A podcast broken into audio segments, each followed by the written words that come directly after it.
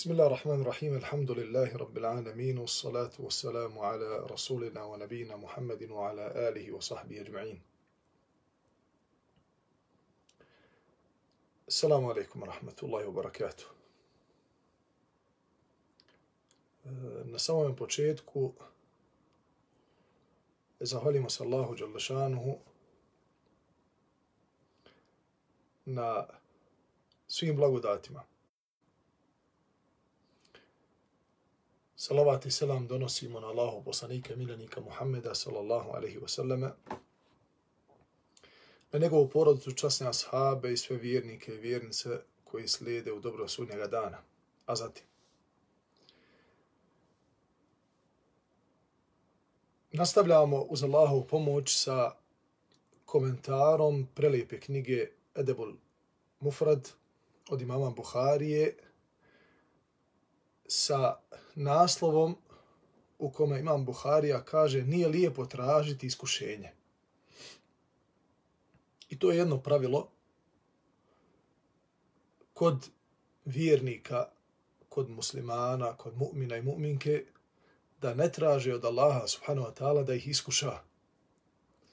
Kako bi tim iskušenjem zaradili nagradu ili tim iskušenjem bili im oprošteni grijesi, ili tim iskušenjem e, dosegli e, određenu dređu kod gospodara svetova. Znači, to je, to je pokuđeno i Allahu poslanik alaihi salatu wasalam, kao što se prenosi od Enesa radijallahu anhu, e, kaže da je, Enes kaže da je jedan čovjek u prisustvu Allahu poslanika alaihi salatu wasalam rekao e, kada mi gospodaru već nisi dao imetak iz kojeg bi udjeljivao sadaku, onda me stavi na kušnju u kojoj bi zaradio nagradu. Prije nego što spomenemo ono što je Allahu poslanik alaih salatu wasalam nakon što je čuo tog čovjeka, e, kada je to rekao, šta mu je odgovorio, e, reći ćemo nekoliko riječi o, pogledajte, o samoj ovoj rečenici koju ovaj čovjek izgovorio. Ako ste primijetili, on je rekao gospodaru, kad mi već nisi dao imetak iz koje ću dati znači, na tvom putu, sadaku, daj mi iskušenje. Iz ovoga se može zaključiti da je najvjerovatnije prije toga, prije ovoga nego što je ovaj čovjek to rekao, da je Allah poslanik ali salatu selam govorio o velikoj nagradi koju Allah subhanahu wa ta'ala e, sprema za one koji daju svoj metak na Božijem putu. Pomažući svoju zajednicu, siromahe, putnike, one koji su e, u velikim dugovima, one kojima je potrebna pomoć e, i tako dalje i tako dalje. Što znači da e, i metak koji se nalazi u rukama jednog vjernika je velika blagodat. I ovdje se veoma jasno može da zaključi da e, rad na ovome svijetu, doprinos, e, bavljenje biznisom, sticanje halal i metka u velikim količinama je pohvaljena stvar. Nije pokuđena. Pohvaljena stvar kako bi tim imetkom između ostalog, između ostalog, e, pomogao Allahu Đalešanuhu vjeru praveći džamije, praveći medrese, pomažući da se prave druge, drugi centri za, za edukaciju, za usavršavanje nauke, medicine. Mi smo prošli kroz jedan, e, hajde da kažemo, kraći period od nekoliko mjeseci, gdje smo svi, cijela planeta, osjetili e, šta znači biti u, u nekakvoj vakumskoj krizi koja ne dozvoljava ni, ni ekonomski, ni politički, znači svezane su ruke bile sa svih strana. I koliko je u tom momentu značilo da neko pripomogne nekome da dadne svoje sredstva kako bi se e, e određene medicinski, medicinski znači onaj e, potrebštine zadovoljile kako bi se ljudi koji nemaju, koji su ostali bez posla, kako bi se pomogli, obradovale se porodice koje su bile u krizi, to su svi sve veoma bitni momenti znači u jednom društvu, u jednom društvu, pa ovaj čovjek kaže, kada mi već nisi dao imetak, bio je siromaš, siromašan, onda me stavi na nekakvu kušnju kako bi time zaradio nagradu. Pa je Allahu poslanik alaihi salatu wasalam na to rekao, subhanallah, ti to ne bi mogao izdržati. To jeste, ne bi mogao izdržati da tražiš od Allaha Đalešanuhu da te nagradi putem iskušenja.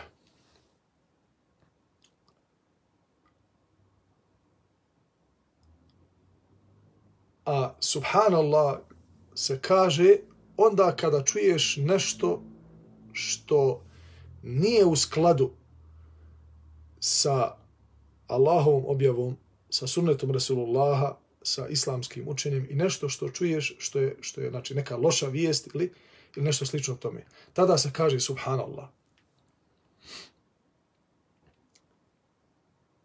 Kaže mu dalje Allahov poslanik, Ela kulte, a bolje bi bilo, umjesto, da si, umjesto ovo što si rekao, bolje bi bilo, bilo da si kazao Allahumma atina fi الدنيا hasana wa الآخرة حسنة hasana wa qina nar. Gospodaru, podari nam dobro ovoga svijeta i dobro onoga svijeta i sačuvaj nas džehennemske vatre.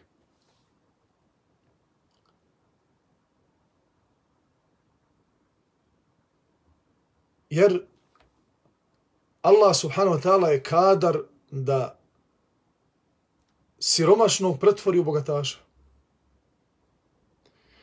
Allah subhanahu wa ta'ala je kadar da bolesnog pretvori u zdravog. Allah subhanahu wa ta'ala kadar je i da siromašnom dadne deređu bogatog.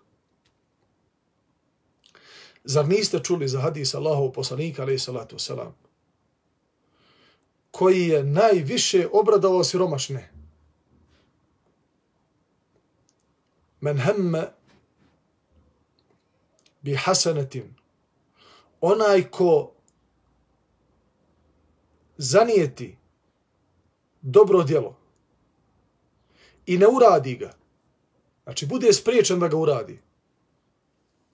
Šta znači bude spriječen da ga uradi? Na primjer,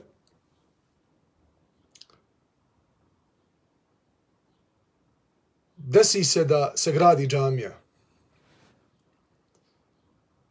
ili neki drugi hajrat. Ili se treba pomoći muslimani.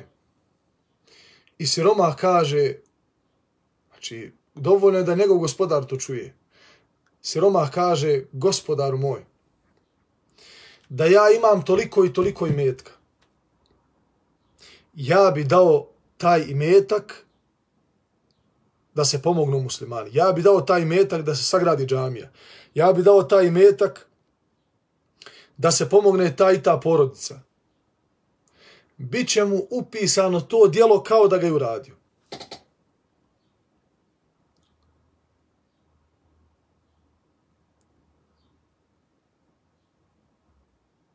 O fil ahirati hasene. Allah Đalešanuhu je kadar, milostivi, samilosni, da podigne da nekog groba svoga koji nema nekih velikih dobrih dijela ono što ljudi vide.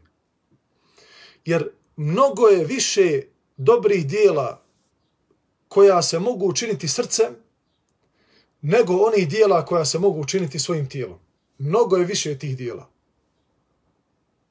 Mnogo je više dijela koja se mogu učiniti svojim srcem nego onih dobrih dijela koja se mogu učiniti svojim tijelom. Pa ako Allah Đalešanu neko, nečije srce uposli sa hajrom, sa dobrom, sa činjenjem dobra, sa jakim imanom u Allaha subhanahu wa ta'ala, osloncem na njega, vjerom u njega, ubjeđenjem u njega, nadom i strahom od njega.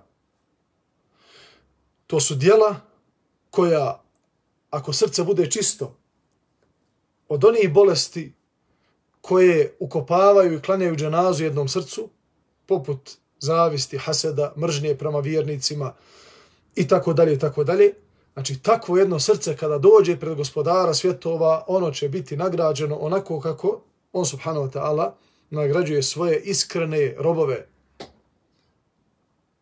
I to je najveća zadaća vjernika na ovom svijetu, kao što nam to i prenosi uh, Allah subhanahu wa ta'ala na riječima, riječima Ibrahima alaih salatu wasalam, kada Ibrahim e, spominjao šta je to što će čovjeka spasiti patnje na sudnjemu danu, a to je da dođe pred gospodara svjetova bi kalbin salim, bi kalbin salim, znači čistoga srca.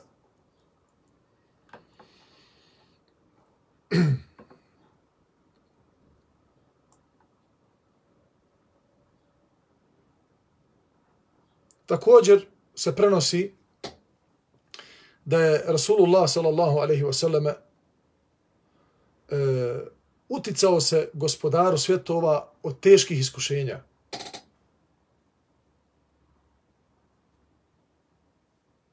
Ka, كان صلى الله عليه وسلم يتعوذ من جهد البلاء ودرق الشقاء وشماتة الأعداء وسوء القضاء Od Abu Hureyre radijallahu anhu se prenosi da je vjerovjesnik sallallahu alaihi wa sallame molio Allaha da ga sačuva teških iskušenja, tegoba, e, dušmanskih likovanja, to jeste e,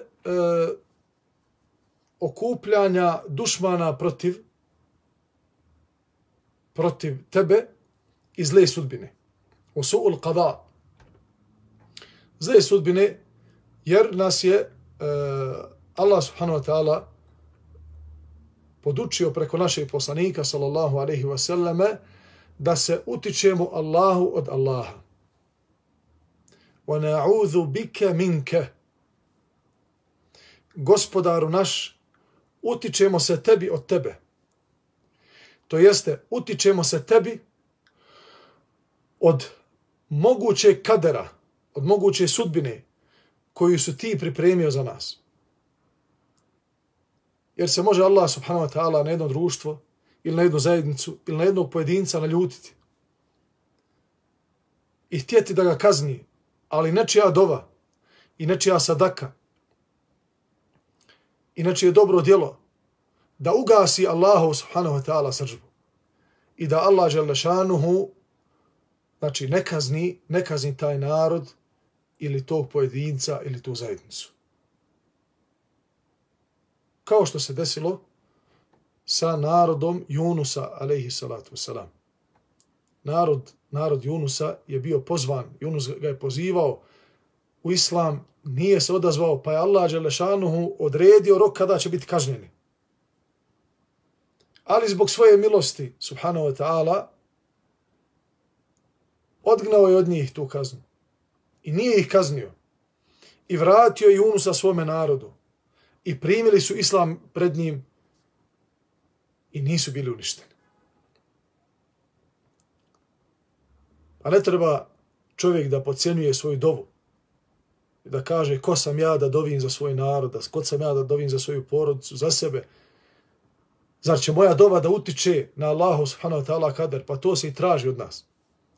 I traži se upravo od mene i od tebe, od nas, slabašnih robova, griješnih robova, traži se da uputimo Allahu Đalešanuhu dovu kako bi nas spasio od moguće sudbine koja je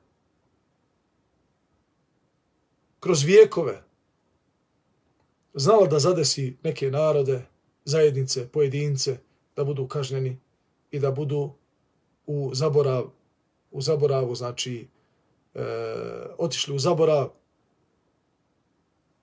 pa shodno tome, znači, treba da čovjek se trudi da dovi Allahu Đelešanuhu da ga sačuva od, od moguće kazne ili, ili e, loše sudbine.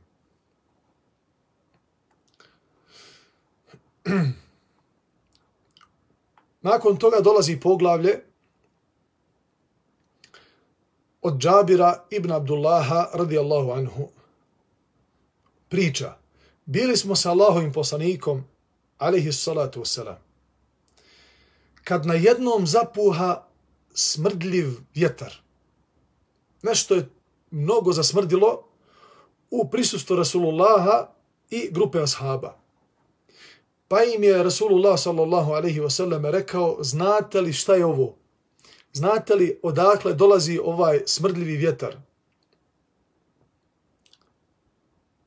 Pa je onda nastavio, alaihi salatu wasalam, ovo je smrad onih koji ogovaraju vjernike. Ovo je šta? Smrad onih koji ogovaraju vjernike. U sljedećem hadisu, također od Džabira, radijallahu anhu, se prenosi i ovaj hadis e, otkriva čija je to u osnovi osobina gibeta. Znači, ko u osnovi posjeduje tu osobinu? U osnovi vjernik ne smije da posjeduje tu osobinu. Da to bude njegova osobina koja, e, tako da kažem, čini njegovu ličnost. Može li se desiti da vjernik ili vjernica ugovore nekoga? Može se desiti.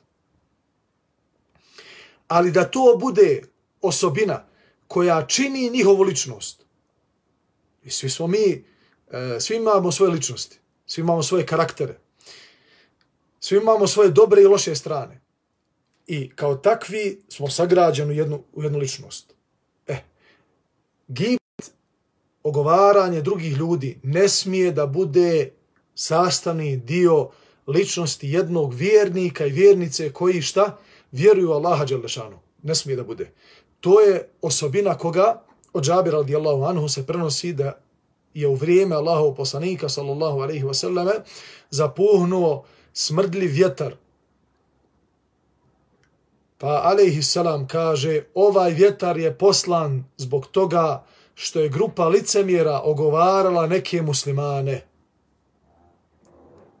Znači da je ovo osobina licemira. Licemiri su ti koji imaju potrebu da druge ljude ogovaraju i da prenose njihova djela. Da prenose ono što su oni uradili. Zbog čega? Zato što licemir, munafik, on je sav bolestan. I njemu niko ne odgovara. Njemu niko ne valja ničija, znači ni dobrota, ničija ličnost, ne, ne postoji taj čovjek koji odgovara licemjeru. Kada se radi o vjernicima, znači ovdje ja govorim kada se radi o vjernicima, vjernici ne odgovaraju licemjerima kakvi god da su. Uvijek će naći licemjer šta? Neku primjedbu koju će prigovoriti drugim vjernicima. Dobro znate da e, da je Allah Đelešanuhu objavio, znači kada su muslimani krenuli na, na Tebuk sa Allahovim poslanikom, ali salatu selam, među njima je bilo i munafika, licemira, znači nisu imali ništa drugo da prigovore ashabima Rasulullaha na tom dugom, vrućem i srpljujućem putu e, ka toj bitci, koja je bila jedna od, od ključnih bitaka u islamu, nisu ništa drugo imali da im prigovore, nego kaže, pogledajte ashaba, drugova Resulullaha, koliko imaju velike stomake i kako su tromi na putu. Izigravali se, znači, s tim, igrali se s tim riječima, ismijavali se, zezali se s time. Jer e, to je, e, kada čovjek stalno govara, to je, to je e, jedna od osobina licemira, Znači on ima stalno potrebu da nekome nalazi mahane i da stalno spominje da nekoga drži u rustima i da govori loše o njemu. To je veoma loša osobina. To je veoma loša osobina koja, ako se nalazi pri nekome ko vjeruje u Allaha i u sudnji dan, neka je se rešava kako znaju mi. Neka svaki put zagrize svoj jezik kada krene da ogovara drugu osobu. A šta je ogovaranje? govor istine koju prezire onaj o kome se ogovara u njegovom osustvu. Govor istine koju prezire onaj koji se ogovara u njegovome odsustvu.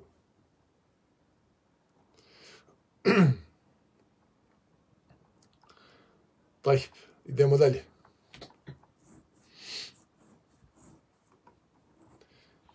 E, Aha. od Bekije se prenosi da je Muhammed ibn Zijad rekao Subhanallah, pogledajte, evo, sada ćemo malo, malo da, onaj, da, da ovaj rivajet ili, ili ovu predaju, da je malo uh, uporedimo sa uh, prošlim sedmicama i mjesecima ko, onaj, ove korone i svih ovih događanja. Prenosi se da je Muhammed ibn Zijad rekao, sjećam se prvih generacija, tjevši da kaže, sjećam se znači tih prvih ashaba, Resulullaha koji su živi, koji su teško živjeli u siromaštvu, kako su je oni imali te komšijske odnose. Kada su zajedno sa svojim porodicama živjeli u jednom stanu, kada bi kod nekog zakonačio gost, a kod drugog na vatri bio lonac, onaj kod koga je došao gost uzeo bi lonac od svoga, za svoga gosta. Od koga? Od svog komšije, brata muslimana s kojim zajedno živi u zajednici zato što nemaju dovoljno novaca, nemaju dovoljno sredstava, siromašni su, da se odvoje, da svako ima svoju, svoju kuću, svako ima svoju kuhinju, svako ima, znači, živimo u 20. stoljeću gdje se i dan danas to dešava. Gdje se je dešavalo i dan danas imamo takvih primjera. Pogledajmo kako su prve generacije se obhodile prema tome. Kaže, kada bi ovaj drugi pitao za svoj lonac, dođe onaj koji je stavio čorbu na, u lonac i is, vatru ispod naložio da se ta čorba spremi. Ovome drugom, što zajedno sa njim živi u zajednici, došao gost, uzme lonac i da ga ne pita i naspe gostu hranu. I dođe ovaj, sad vidi, nemamo lonca. Kaže, pita gdje je moj lonac? Kaže, ovaj bi mu odgovorio što je uzeo lonac. Kaže, mi smo ga uzeli za, na, za našeg gosta. Kaže, pa je bila praksa prvi, kaže, prve generacije, kaže Muhammed ibn Zijad, bila je praksa da bi proučili dovu, da bi rekli da vam Allah u njemu dadne bereketa. Ama bit će na fakije. Biće na fakije i preživit će se, ali treba sačuvati obraz, treba dočekat gosta, treba uh, pomoći jedan drugog. Ili, kaže Muhammed ibn Zijad, ili nešto slično tome, odgovorio bi, kaže, vlasnik lonca. Tako bi isto dijelili hljeb, a odvajali su ih samo zidovi od trstike. Kaže Bakija, i ja se toga sjećam kod Muhammeda ibn Zijada i njegovih komšija. Muhammed ibn Zijad govori o svome stanju svojih komšija. I ovaj Bekija koji to prenosi od Muhammed ibn Zijada potvrđuje, kaže da se i on sjeća da je viđao takve primjere i da se o tome je pričalo u, u njihovoj mahali. To su bile prve generacije muslimana kojima, znači, Dunjaluk je bio sredstvo da dođu do cilja, do Allahovog zadovoljstva. A nije im Dunjaluk bio cilj. I nažalost, nažalost, veoma e, se čovjek ružno osjeća kada čuje da su se muslimani toliko posvađali, toliko zavadili, e, toliko su zamirli jednim drugima zbog komada dunjaluka. Zbog nečega što malo vrijedi. Zbog sitno, sitnog dunjaluka kojeg ćemo sutra ostaviti za sebe braćo moja, u islamu postoji matematika. A? Postoji matematika, postoje ugovori. E, postoji, ako sam ti dao stotinu maraka, vrati mi stotinu maraka. Nemoj mi vraćati ni više od toga, jer je to haram strogo zabranjeno, to je kamata, ali nemoj ni manje od toga, jer je to moje pravo, to je stotinu maraka. To je matematika. I to postoji u islamu i to je pravda.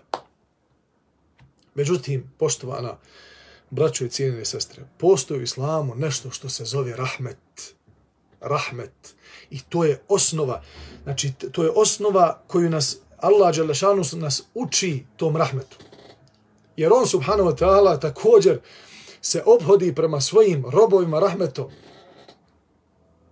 Apsolutna većina slučajeva. Jer da Allah Đalešanu svojom pravdom se obhodi prema svojim robovima, ne bi na ovome svijetu niko od nas ostao živ. Sve bi nas Allah uništio. Da se obhodi svojom pravdom. Zbog onoga što smo mi zaradili svojim rukama, da nam Allah ne prašta stalno. O jafu an kathir. Allah puno prašta. Allah puno pr prolazi preko, preko loših postupaka.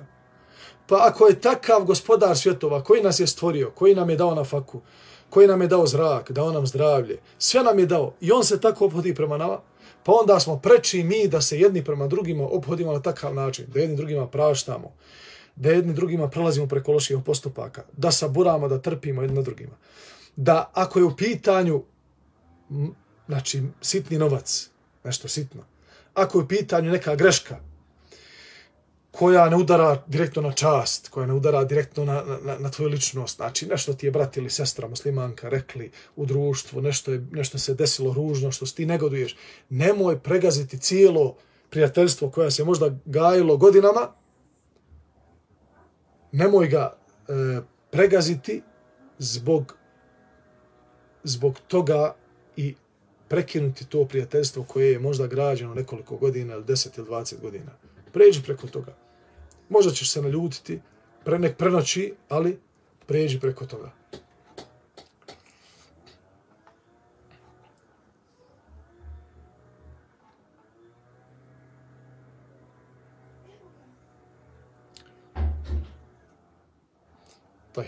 Zatim dolazi poglavlje o gostoprimstvu. Kaže imam Buharija u naslovu, gostoprimstvo je tri dana Gostoprimstvo je šta? Tri dana, kako, kako se prenosi od ashaba Ebu Hureyri radijallahu anhu, da je Allahov poslanik, alaihi salatu wasalam, rekao, gostoprimstvo traje tri dana, a sve iznad toga je sadaka. To jest kad ti dođe gost u tvoju kuću, on ima kod tebe pravo da ostane u tvojoj kući tri dana i tri noći. I da ga ti tri dana i tri noći hraniš, da mu obezbijediš da spava, da jede i da pije. Nakon toga imaš pravo da mu kažeš Salamu alaikum rahmetullah, Allah ti dao svako dobro, vidimo se inšala naredni put, opet nam s hajrom dođi. I da te Allah čuva na putu.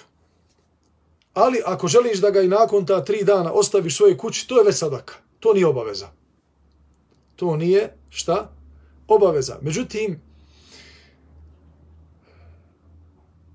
danas uh, Allahu musta'an vremena se mijenjaju. Nije isto prije 50 godina i 100 godina i danas. Niti isto prije 200 godina i danas. Međutim, musliman, muslimanska jedna porodica e, mora da kod sebe ostavi znači, tu osnovnu tradiciju koju muslimani gaje od pamti vijeka. A to je gostoprimstvo. To je gostoprimstvo. To je osjećaj za gostoprimstvom kada ti dođe gost. To je tvoj emanet. Pogledamo, imamo hadis iza toga da je znači e, dolazak gosta u tvoju kuću. To je njegov hak da ga primiš i da ga ugostiš onako kako dolikuje. Da mu izneseš najljepše jelo da mu pripremiš najljepše piće i da ga, zas, znači, da ga zaspeš sa uh, nafakom koju ti Allah Đelešanu dao u tvojoj kući, shodno tvojim mogućnostima, onako kako bi ti volio da tebe drugi zaspe sa, sa, isto, sa, sa istim gostoprinstvom. Jer je to, znači, hak, hakun wajibun ala kulli muslim. Hakun wajibun ala kulli muslim, Znači, obaveza vađib svakom muslimanu da znači, ugosti i gosta i da ga pripremi, da mu pripremi sve najbolje. Znači, dolazi ti gost u kuću. Nemoj ga uh, nemoj mu iznijeti keksić neki od, od dvije marke, nasut mu ra, sok na razmučivanje i salam alik. Znači, to nije ugošćavanje gosta. Ili daj mu filđan kahve, onaj, razlomi mu čokoladu. Znači, gost se prije, prije nego što mu izneseš bilo što, Ovo je veoma bitno, znači da se objasni, da, da sačuvamo tu našu tradiciju koja je islamska, pogledajmo, koja je, koja je protkana Eh, hadisima Resulullah alaihi salatu wasalam, koji govore o obavezi gostoprinstva gosta. Men kana yu'minu billahi wal yawmil akhir falyukrim dayfahu. Onaj ko, ko vjeruje u Allaha i u sudnji dan, neka ugosti svoga gosta. A nama Allah Đelešanu u Kur'an i Kerimu prenosi događaj kada su gosti. On ne zna da su to meleci. Znači, Ibrahim a.s. ne zna da mu dolaze meleci koji mu trebaju da prenesu vijest. Znači, u obliku, ljudskom obliku su došli na njegova vrata. On ih ugošćava u to vrijeme, prije nekoliko hiljada godina, i odlazi svojoj supruzi, kaže, kolji tele. I Allah kaže, i prinio je ispred njih, znači, e, krupno tele, da se najedu. Može li tri, mogu li tri čovjeka pojesti tele? Ne mogu. Ali Ibrahim hoće da kaže, vi ste moji gosti. Ovo vama ja prinosim, ne sad tele da vi, vid, ja znam da vi to ne možete, ali da znate koliki značaj ima, imate kod mene, koliko vrijednost imate kod mene. Ali prije tog iznošenja na fake i sve, znači jedno od pravila ugošćavanja gosta, jedno od hakova gosta, jeste kad ti dođe da malo zategneš ove e, mišiće koji se nalaze oko usana i da se nasmiješ i nasmiješiš svome gostu, da ga razveseliš, da mu poželiš dobrodošlicu, bujrum, ehlen o sehlen, ona i tako dalje.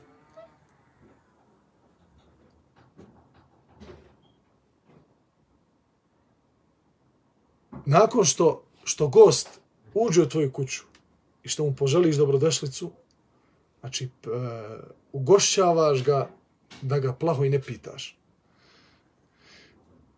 Jer često će ljudi, ako ga pitaš, jesi li gladan, jesi li, nisam gladan, pa jesi li za kahu, pa nisam ni za kahu, pa nisam ni za... Zašto?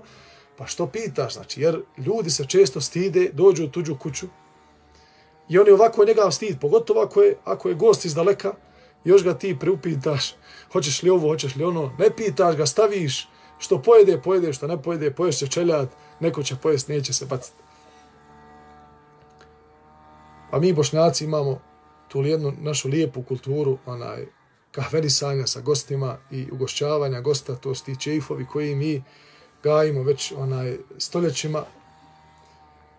Tako da to se ne smije izgubiti kod nas. Znači, to je, hoću da kažem, sve ovo govorim u cilju da se to ne smije izgubiti, da to dođe do, do, do znači, ovaj dio videa, do što više ljudi, kako bi šta, znači ostavili taj naš, tu našu tradiciju koja je izvorno uzeta iz Kur'ana i Sunneta. Ugošćavanje gosta.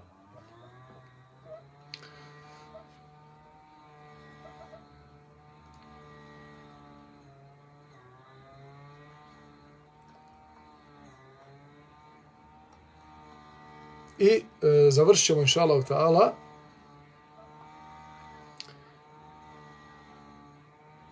sa e, hadisom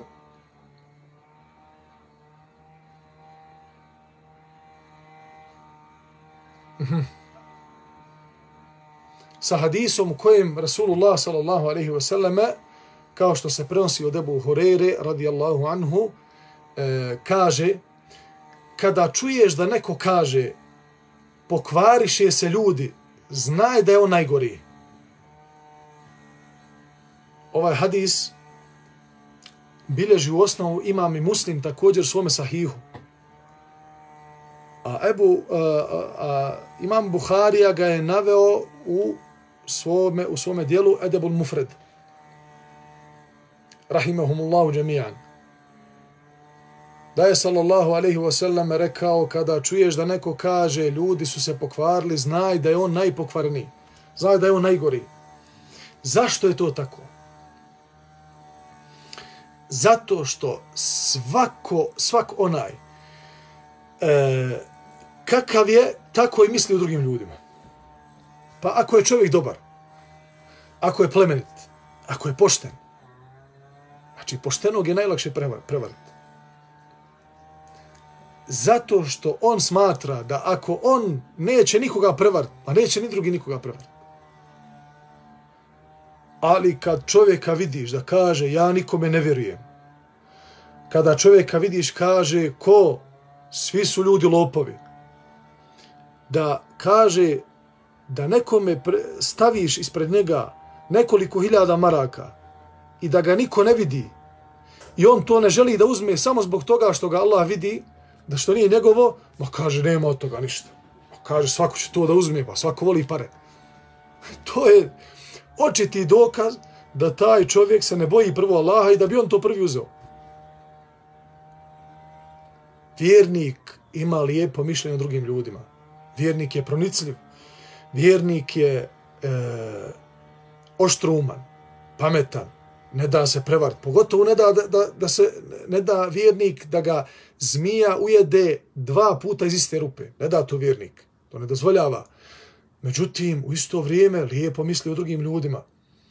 E, smatra da ima hajra puno u drugim ljudima. Zato što je on hajrli. Zato što je on dobar. Ali kad čuješ čovjeka da kaže da je sve propalo, da se sve uništilo, on se je uništio pa tako misli da su i drugi sa, sami sebi uništili. Nije tako. Dobra i hajra će biti u umetu Islama do sudnjega dana. U umetu Islama, kada kažemo umetu Islama, ne mislimo samo, samo na postojeće muslimane trenutno. Svaki dan, desetine ljudi, braćo moje poštovane sestre, primi Islam. Svaki dan umet Islama želi, zaželi dobrodošlicu novim muslimanima koji svakodnevno privataju din islam i pokoravaju se gospodaru svjetova. Din islam, Kur'an i Kerim, džamije nisu u vlasništvu određenih osoba, nisu u vlasništvu samo naš muslimana koji sada trenutno smo muslimani.